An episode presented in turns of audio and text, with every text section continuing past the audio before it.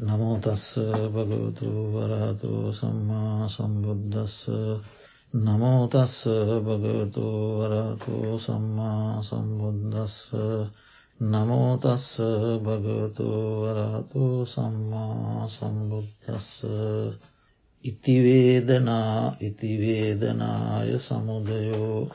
ඉතිවේදනාය අත්තංගමෝ. ඉති සංඥා ඉති සංඥාය සමුදයෝ ඉති සංඥාය අත්තංගමෝ ඉති සංකාරා ඉති සංකාරානන් සමුදයෝ ඉති සංකාරානං අත්තංගමෝ ඉති විඤ්ඥානං ඉති විඤ්ඥානස්ස සමුදයෝ ඉති විඤ්ඥානස්ස අත්තංගමෝතිී ඉතිං අපි සතර සතිපට්ටාන සූත්‍ර දේශනාවෙහි දම්මානු පස්සනා සතිපට්ටානයට අයත් ඉස්කන්ද පබ්බ කියන කොටසේ දෙවන කාණ්ඩය අද මේ සාකච්ඡා කරන්නේ අපි පළවෙනි දවසේ රූප රූප සමුදය රූප අත්තංගමය පිළිබඳව සාකච්ඡා කළා. එතකොට වේදනාව පිළිබඳව මීට සති ගණනාවකට උඩදී අපි පුළුල් වසයෙන් සාකච්ඡා කළා. වේදනාව කියන්නේ කුමන අර්ථයකින්ද වේදනාව ආකාර දෙහෙකින්ද තුනකින්ද ඔය ආදී වසයෙන් එකසිය අට ආකාරයකට බෙදාවෙන් කොටගෙන අපි සාකච්ඡා කළා. ඒ වගේම වේදනානු වේදනාව පිළිබඳව බුදුරජාණන් වහන්සේ කරන ලද දේශනා කීපයක් අපි ඉගෙනගත්. දැන් මහා සතිපට්ටාන සූත්‍ර දේශනාව අනුව කරුණු තුනයි මේ පිළිබඳ අපි අවබෝධ කරගත යුතු වන්නේ. ඒ මොනවාද වේදනාව වේදනාවේ හට ගැනීම වේදනාවේ නැසීයාම. කරුණු තුන. එතකොට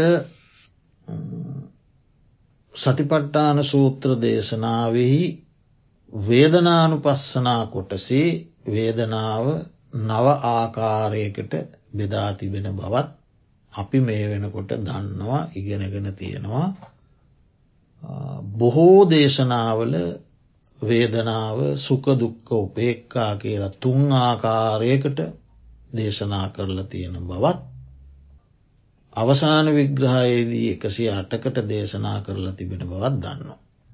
එතකොට ඒ කුමන වේදනාවක් වුණත් අපි මේ වේදනා ස්වභාවයක් කියන එක තේරුම් ගන්ටෝනේ.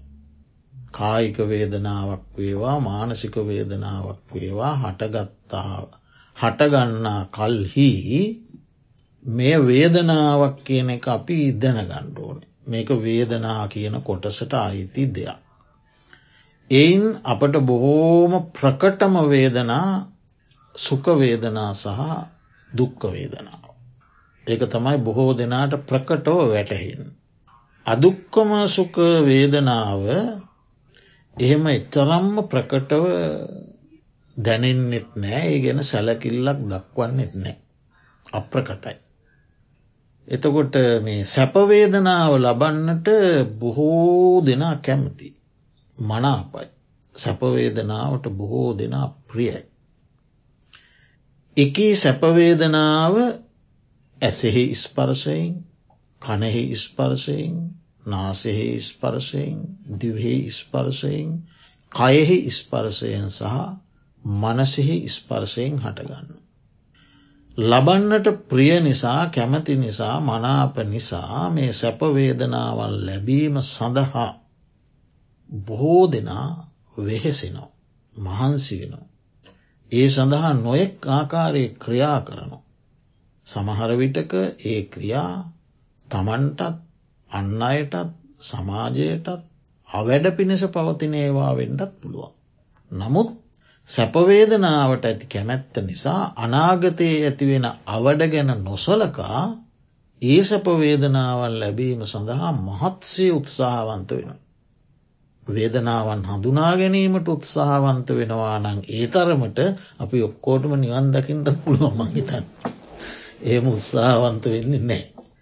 ඒ නිසා ලබන්නට තමයි උත්සාහවන්ත වෙන්න. තකොට දුක්වේදනාව බොහෝ දෙනා ලබන්නට අකමැති දෙයක්. ඔව ඒගේ පීඩාකාරීන එකට කැමතිනෑ. ඒ අකමැති නිසා ඒවා ඉවසීමට අති දුෂ් කරයි දුක්වේදන. අප්‍රියයි අමනාපයි ඉවසන්ඩ අමාරුයි. ඒ නිසා ඒ දුක්වේදනා වලක්වා ගැනීම සඳහා. එයින් මිදී සැපවේදනාම ඉපදවීම සඳහා බලවත්සේ මහන්සි ගන්න. ඉතින් මේ වේදනාවෙහි සුකවේදනාවෙහි යථා ස්වභාවය මේක සුකවේදනාවක් කියලා යථා ස්වභාවය නොදන්නා නිසා මේ වේදනාවට අයිති දෙයක් කියලා නොදන්නා නිසා එයාට මම විඳිනවා කියන ආත්ම දෘෂ්ටි ඇතිවෙනවා. මම විඳිනවා මම මේ සැපවේදනා වේදනා කියන කතාවත් එන්නේ මම එයක වින්දනය කරනවා. මම විඳින්නේ කියන හැඟීම මතුවීම නිසා එයා තුළ දිගින් දිගට ආත්ම දෘෂ්ටිය. සක්කාය දෘෂ්ටිය වැඩෙන්ට පටන්ගන්න. සුකවේදනාවට ඇති ප්‍රිය බව නිසා ඒ විඳින ස්වභාවය නිසා ඒ ආත්ම සෙනෙහස ආත්ම දෘෂ්ටිය සක්කාය දෘෂ්ටිය වැඩෙනවා. ඒ වගේම ඒ සුකවේදනාවට ප්‍රියකිරීම නිසා තන්නාව වැඩෙන. ඒ සුකවේදනාව මම විඳිනවා අනෙකාට වඩා ඉහලින් මම විදිනවා මම තරන් අනිකාසුකවේදනා විදින්නේ ඔය විදිහට මනින්ඩයෑම නිසා මාන චෛතසිකයක් වැඩෙනවා. තොට එහෙන් සක්කාදිට්ටි වැඩෙනවා මෙහෙන් තන්නාව වැඩෙනවා ලෝකයා විඳින සුකවේදනා පැත්තෙන් තමා මනින්ඩයෑම නිසා එක්කෝ මම හරියට සැපවේදනා විදින කෙනෙක් මේ අන්න අයට නෑනෙ. එහම නැත්තම් අන්න අය සැපවේදනා විඳිනවා කෝ මටනෑනෙ එතොට හීනමානය වැඩෙනවා. තමන් විඳිනවා අනිත් අයට වඩා කියනකොට අධික කියන්නේ ඕ හීනමානය නෙවේ එක අධිම අධික් මොකක් දෙකට කියන්නේ? මානෝ ඕමානෝ අතිමානෝ මම අනිකා සෙය සෙය්‍යමාන සෙය්‍යමාන. මම උසස් ලෙස විදිනවා. කියන සෙය්‍යමානව එහෙම වැඩෙනවා. සදිසමානය වැඩෙනවා මම අනිත් එක්කන හා සමානෝ සැපවිදිනව කෙනකොට සදිසමානය වැඩෙනවා. මම අනිකාට වඩා මාවිදින සැපවේදනා පහත් කියල හිතනකොට හීනමානය. ඉති සුකවේදනාව නිසා ඔන්න මාන්‍යත් වැඩෙනවා. ඊළඟට මේ විදින සැපවේදනාව මා විදින මේ සැපවේදනාව සියල්ලම මට ලැබෙන්නේ පෙර කරන ලද කර්මයෙන්නේ. එහෙම නැත්තම් මේක ඊශ්වරයෙක් දෙවියන්ගේ කැමැත්ත මතයි මට මේ සැපවේදනා ලැබෙන්නේ. දෙවියන් මට මේවා ලබා දෙන්නේ. ඔය විදියට හිතන්නගේම දිට්ටිය වැඩෙන. ඔන්න දිට්ටිත් වැඩෙනවා. ඊළඟට මේ වේදනාවේ යථාශභාවය නොදන්නා නිසා අවිද්‍යාව වැඩෙන. ස්වභාවය දන්නේ අවිද්‍යාව වැඩෙනවා. ඊළඟට මේ සැපවේදනාවන් නිසා අපි හත්විසි මදේ කියලා ඉගෙනගෙන තිය. ඒ මදත් වැඩෙන. බෝග මද සිප්ප මද ආදී මදත් වැඩෙන. ඔය විදියට මහා ක්ලේෂ ක්ලේෂ කොට්ටාසයක් මේ වේදනාවේ ස්වභාවේ නොදන්නා නිසා පුද්ගල මනස තුළ වැඩෙනවා. ඒ වැඩිලා එයා සසරට ඇලුම් කරන්නත් පටන් ගන්න. මම සසරදීත් මේ විදිහේ සුකවේදනා ලබන කෙනෙක්වීම මය හෙනුව පූජාත් පවත්වනවා. නෑ ඒ කුසල් කිරීම හොඳ නෑ කියලන මේ මං කියන්නේ.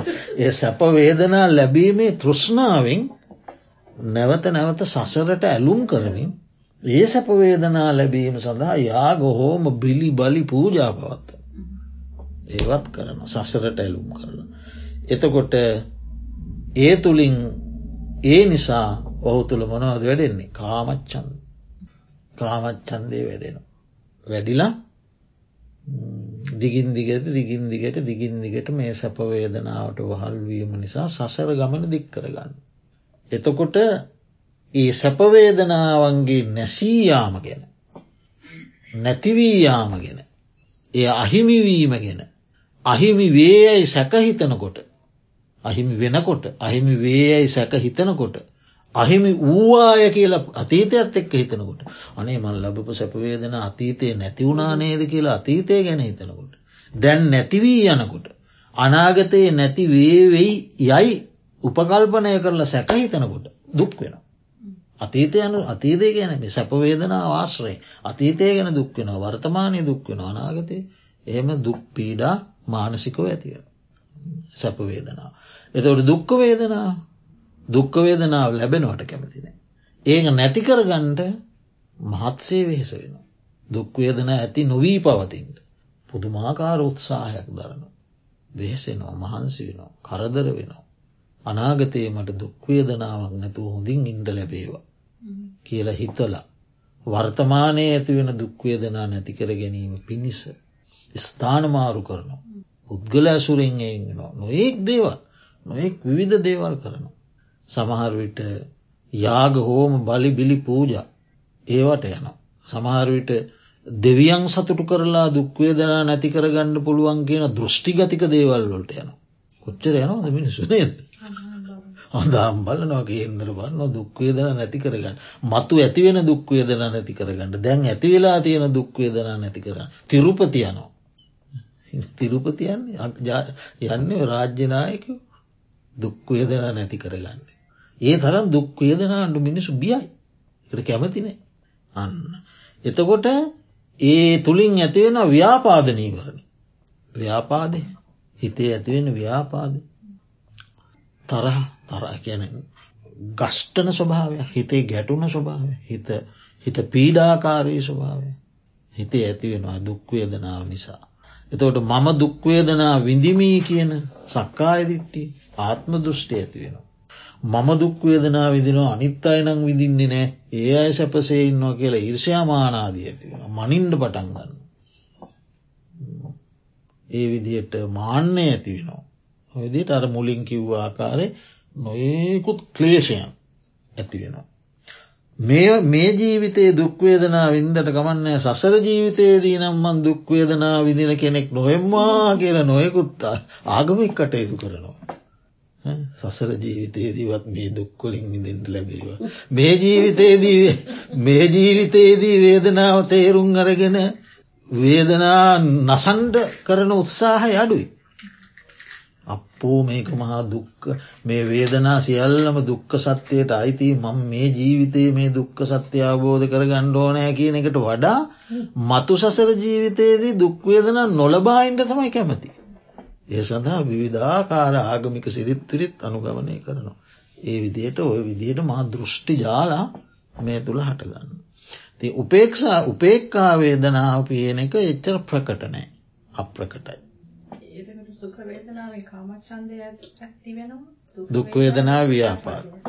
ව්‍යාපාදය පමණන්න මේ අතනත් කාමච්චන්දය පමණන්න මේ කාමච්චන්දය ප්‍රධාන කොටගෙන නොයකුත් ක්ලේෂ ජාලා මේ සසර පවා. ඊළඟට මෙතන ව්‍යාපාදයක ප්‍රධාන මූලික්කටගෙන නොයෙකුත් ක්ලේෂ ජාලා.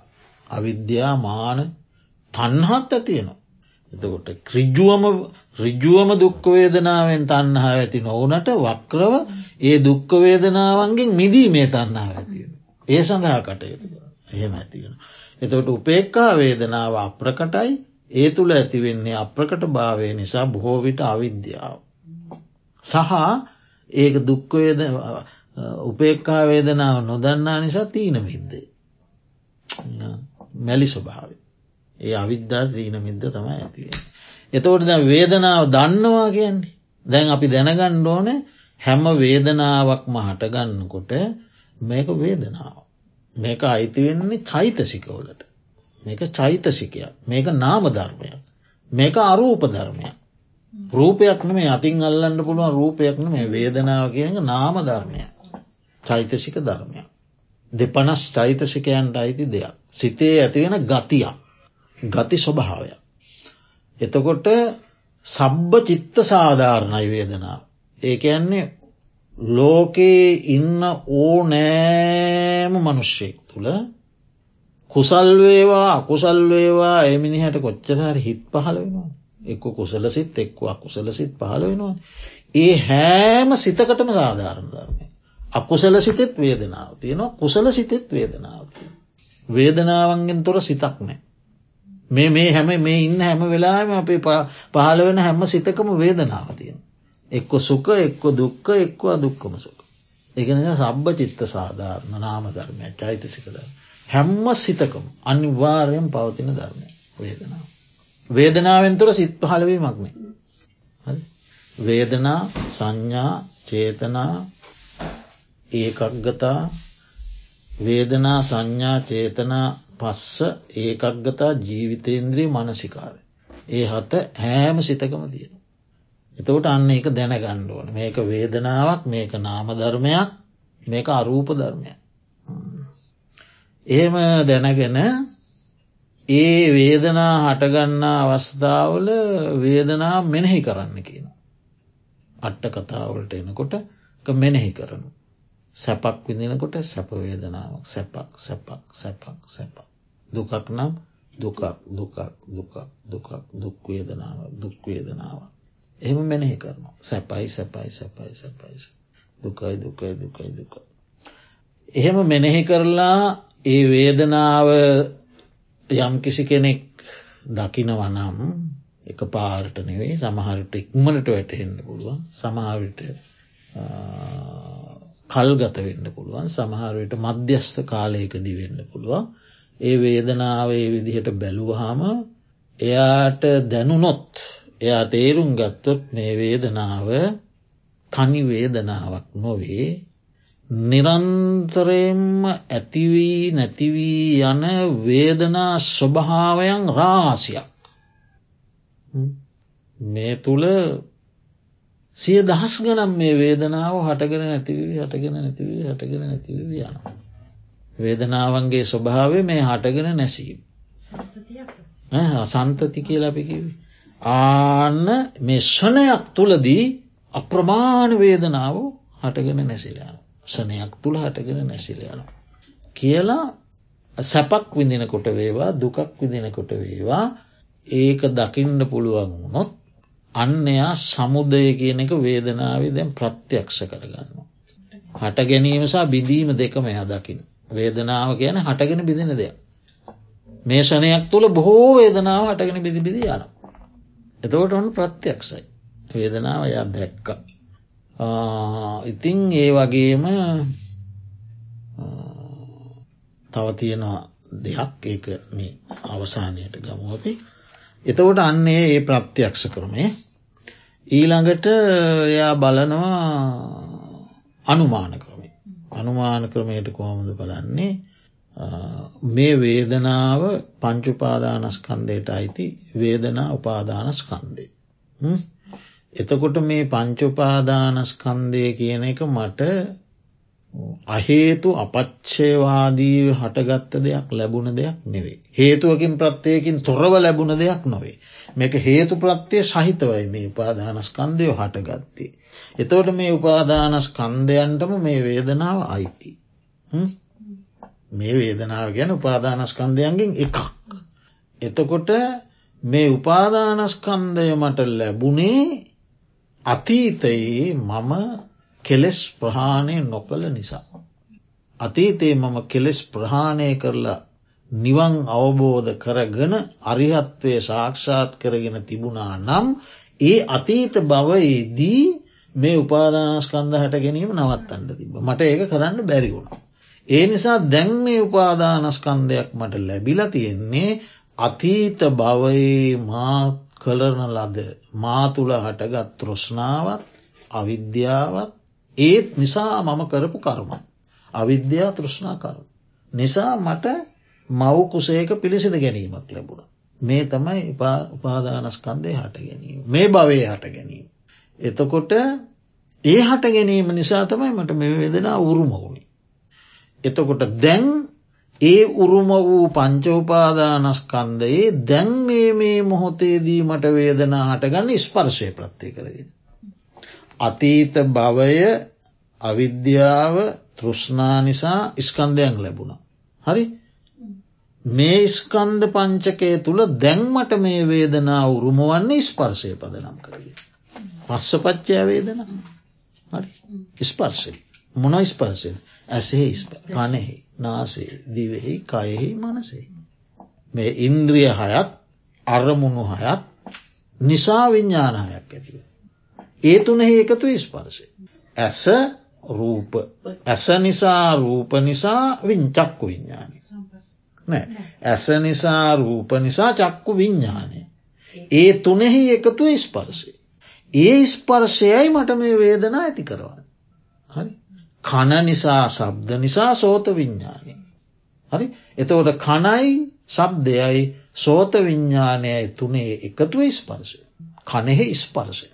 ඒ ස්පර්ශය නිසා තම ඇති වෙන්න මේ වේදනාව. එතවට ස්පර්ශය සැපසහගතනම් සැපවේදනාව. ස්පර්ශය දුක්සහගතනම් දුක්වේදනා. ස්පර්ශය අදුක්කොම සුකනම් අදුක්කොම සුකවේදනා. ආන ඒ විදිහට දැම් මේ ස්පර්ශය තමයි ප්‍රත්තිවෙන්.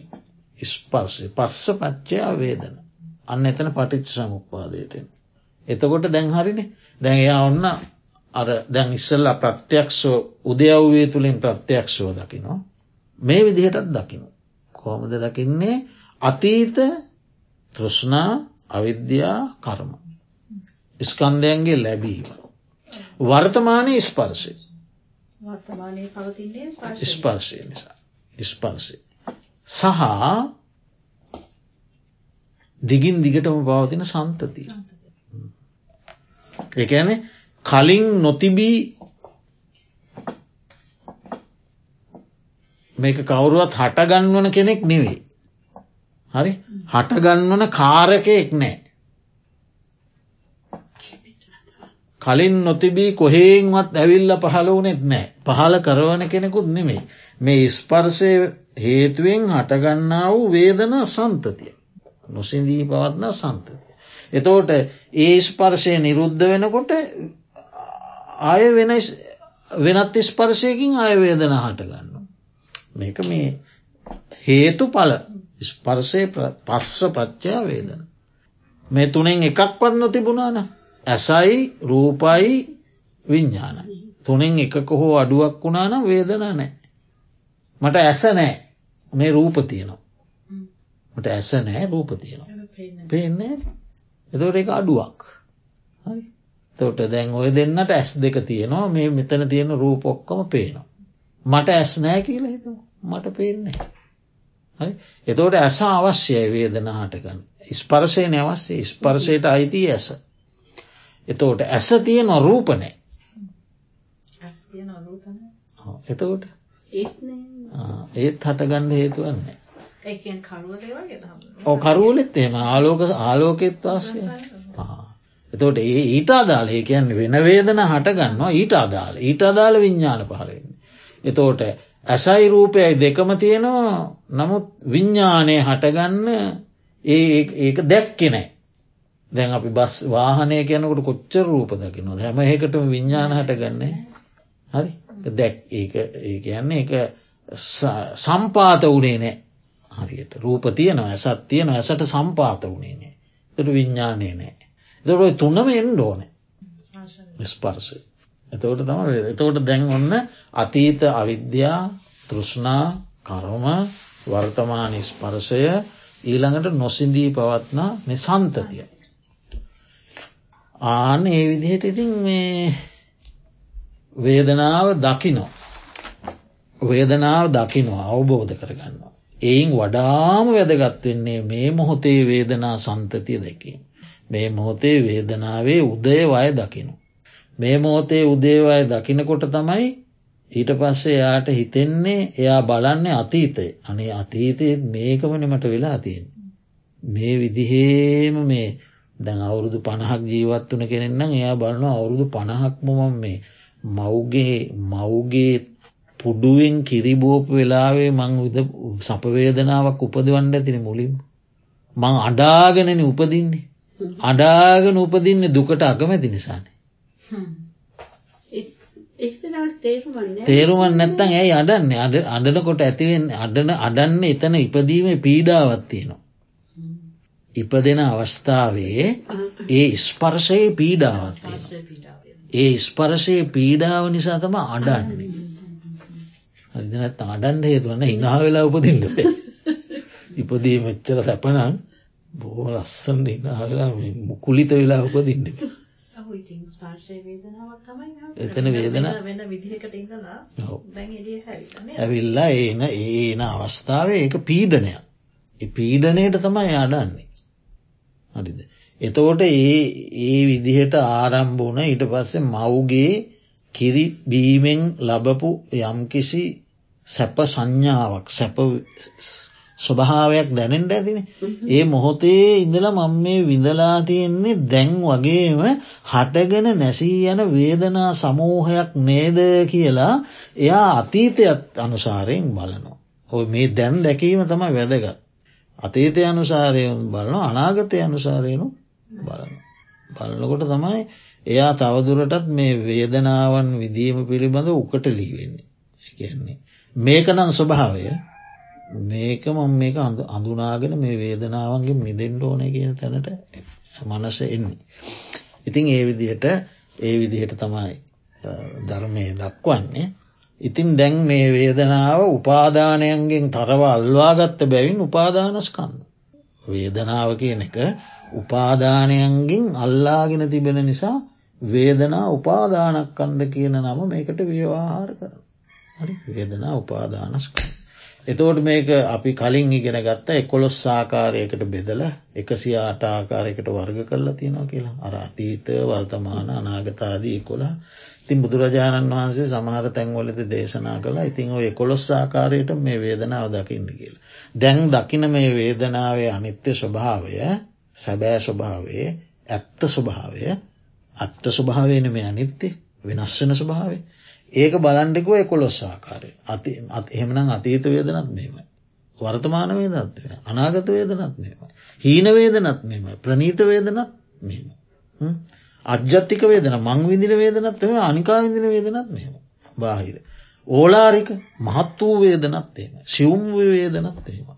එතකොට දුර පිහිටි වේදනත් එහෙමයි ළඟ පිහිටි වේදන එම ඔය විදියට එකොළොස් ආකාරම වේදන අනිත්‍යය වසයෙන් බලන්නකිව. ඉතිං විට පස්සේ ඔන්න දැම් මේ කියන වේදනාව සුකවේවා දුක්කවේවා අදුක්කම සුක වේවා. ප්‍රකටෝ වැටහෙන සැප වේදනාවක් වේවා ප්‍රකටෝ වැටහෙන දුක්ක වේදනාවක් වේවා අප්‍රකට අදුක්කම සුක වේදනාවක් වේවා අර එකොළොස් ආකාර වේදනාවක් වේවා උපරිම වසයෙන් එකසිය අටකට බෙදූ වේදනාවන්ගෙන් කුමන වේදනාවක් වේවා ඒ සියලු වේදනාවෝ අනිත්‍යය.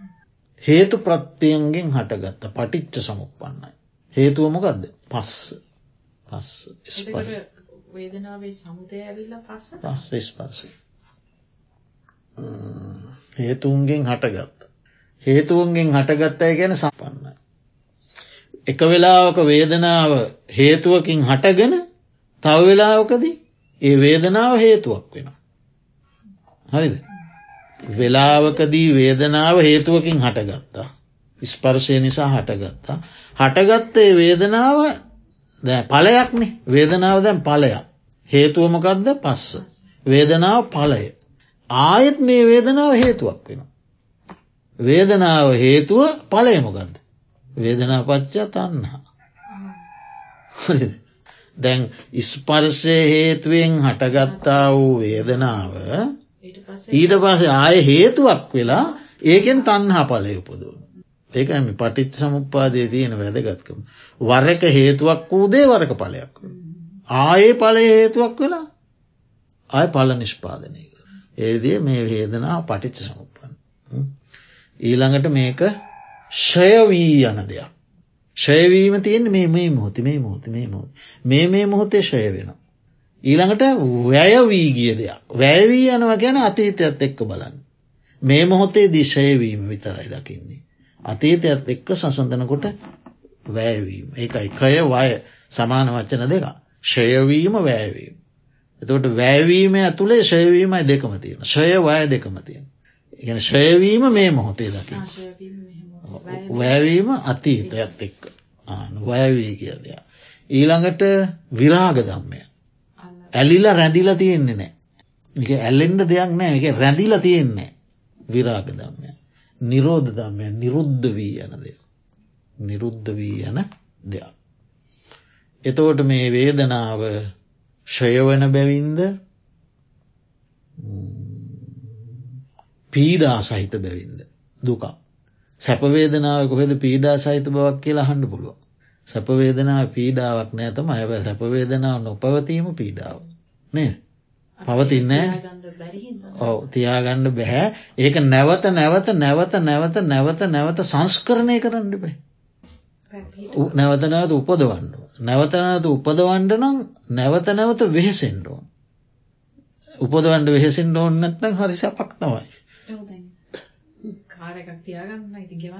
ආගෙවන්න ද ආහාර ගැනීම සැපවේදනාව කරි. බඩගින්න දුක්වේදනාව. ආහාර ගැනීම සැපවේදනාව කරි. ආහාර ගැනීම හොඳ සැපයක් ලැබෙන. හැබැයි ඒ සැපවේදනාව දීර්ගෝ පවතින්නේ. ආයෙත් දුක් බඩගින්න නම් දුක්වේදනාව ඇතියෙනවා. එතකොට මම අද දහවල් ගත්ත ආහාරවේලෙන් මට ලබන අවුරුද්ධ වෙනකං ඉන්න බෑන මම නැවත ආහාර ගැනීම සඳහා නැවත වෙහෙසෙන්ඩ ඕන්. හරිද. එතකොට මේ සැපවේදනාව ආය දුක්වේදනාව බාඩ පත්වෙන. එක පවතින්නේ. එතකොට අර දැන් ඇතිවුණ දුක්වේදනාව නැති කරලා අය නැතිවුණ සැපවේදනාව ඇති කරගන්න ආය දුක්ව වහන්සේන්න. ඒ විදිී මේක මේ වෙහෙස කර ස්වභාවයක්. හරිද කයදම්ම ශයවී යන නිසා මේක අනිත්‍යය නිසා මේක ශයවී යන නිසාම අනිත්‍යයක්. නැවත නැවත නැවත නැවත නැවත නැවත ඉපදීම සඳහා වෙහෙසවිය යුතු බෑ මේක මහ දුකා. හරි අනිත්‍යයයි දුකයි. මට අවශ්‍ය විදිහට මේක පාලනය කරන්ට කාරකයෙක් අයිතිකරුවෙක් වසගේ පවත්වන කෙනෙ එහෙම නෑ. මේක හිස් අසාරයි සාරවත් බවක් නෑ. එරඩු ගහක් බටගහක් කෙසෙල් ගහක් ඊළඟට දිය බුබුලක් පෙන පිඩක් මිරිගුවක් අසාර වන්නේ නිස්සාර වන්නේ යම්සේද මේ බැලූ බැල්මට හරයක් පෙනෙන් නමුත් මේක ඇත්ත වසයෙන්ම කොටස් කරලා බෙදලා විභජනය කරලා මේක පැහැදිල් ලෙස බැලුවොත් මේක තියෙන්නේ මායාකාරී බවක්. අනාත් අනාත්මයට තම අනාත්ම තමයි ශුන්්‍යතාගේ. එතවට සාර අසාර නිශ්ශාර බැවින් අනාත්ම. ශයවැනි බැවින් අනාත්මයි. නෑ ශය බැවින් අනිත්‍යයි. පීඩාගෙන දෙන බැවින් වෙහෙසගෙන දෙන බැවින් නැවත නැවත ඉපද යුතු බැවින් දුකයි. අසාර නිශ්ශාර බැවින් අනාත්ම. එතකොට එහෙම ඔන්න ඉතින් දකිනෝ. දැක්කාම ඊළඟට මොකද අත්තංගමේ මේ වේදනාවේ අත්තංගමයකු මගද නික්මයෑම මෙහි නිරෝධය කුමක්ද? අරිහත්වය අරිහත්වයෙන් මොකක්ද වෙන්නේ. අරිහත්වයෙන් දැන් අපි මෙතනදී දකිනවා වේදනාවේ මේ නිරුද්ධවීම දකිනෝ මේ. කොතනදීද? මේ මේ මොහොතේ දකිනවන අපි. වේදනා මේ හටගෙන හටගෙන බිදෙනවා හටගෙන බිදෙන ස්වභාවය දැන් දකිනවා. නමුත් වේදනාව සියලුම වේදනාවන් කිසිවක් ඉතුරු නොකොට මුල්ලු මනින්ම මේ වේදනාවෙන් සම්පූර්ණයෙන්ම මිදිල යන්නේ පරිනිර්වාණයට පත්වන. පරිනිර්වාණයට පත්වෙලා තන්හාවත් කර්මත් අවිද්‍යාවත් ශය කලාට පස්සෙ. ඒත් වේදනාවන්ගේ තියෙන උපාදාන ස්වභාවය සම්පූර්ණයම මිදුණ. හැබැයි මේ ජීවිතය පවතින දැන් රහත් වෙලාන. ඒ රහතන් වහන්සේටත් ජීවිතය පවතිනතාක් වේදනා දැනෙනවා. උපාදානනෑ. උපාදානයන්ගෙන් වේදනාව ස්වභාවය දන්න උන්වහන්සේලා හැබැ වේදනා දැනෙනවා. වේදනා දැනෙ නොන බුදුරජාණන් වහන්සට පිපාසය දැනුවේ. ඕ ඕ දැනෙනවා ආනන්දේ මට පිපාසය කියලකි වේදනාව දැනෙනවා. හැබැයි වේදනාව නිසා අපිට ඒ අපි වේදනාවන් නිසා අවිද්‍යාතුෂ්නා කර්ම රැස් කරනවා. වේදනාවන් විදිනකොට අවිද්‍යාතුෂ්නා අපිට කර්ම රැස් වෙනවා ඊළඟට වේදනා ඉපැද්දවීම සඳහා වෙහෙස වෙන කොට විද්‍යාතෘෂනා කර්ම රැස් වෙනවා රාතන් වහන්සේ රට එහෙමනේ. වේදනා දැනෙනවා. එතකොට ඒ රාතන් වහන්සේලා පිරුණුවන් පාලා දේහය ආදා දේහ ආදානය කරනවන. පිරිනුවම් පාන චිත්තක්ෂණය තියෙනවා ඒ පිරිනුවම් පායන් පස්සේ අය නැවත වේදනා හට ගැනීමට පංච උපාදානස්කන්දයක් ලැබෙන්නේ නෑ. එතන ඉවර. එතවට අරිහත්වයෙන් තමයි සම්පූර්ණයෙන් අත්තංගමේ අත්තංගමේ නමුත් අපි සාමාන්‍ය ස්වභාවයෙන් සලකන්නේ අරිහත්වයෙන් වේදනාවන් ශය වෙනවා කියන්නේ. වේදනාවන්ගේ මිදෙනවා. නමුත් ඉස්කන්ද පවතින නිසා වේදනා ලැබෙනවා. ඉතින් එහෙම තම වේදනා උපාදානස්කන්දේ. ඉතින් දැන් අපිටත් ඉතින් වේදනා අපිට ඉතින් ඕ ඔය ඉගෙන ගත්තට ප්‍රකට කරගන්නවා කියන එක ලේසි නෑ. ඒ ප්‍රකට කරගන්න වේදනාවල් ලැබෙන ලැබෙන ලැබෙන ලැබෙන හැම මොහොතකම ඒවා බලන්න ඕන ඇති එහෙම බලන්න දෑන පිට තම පුළුවන් සමහර වෙලාවට පුළුවන්. හැම වෙලාම බෑ. කොට ඒ පුළුවන් වෙලාහර බලන්ඩුව වේදනාවේ ස්වභාවය විමසා බැලීම.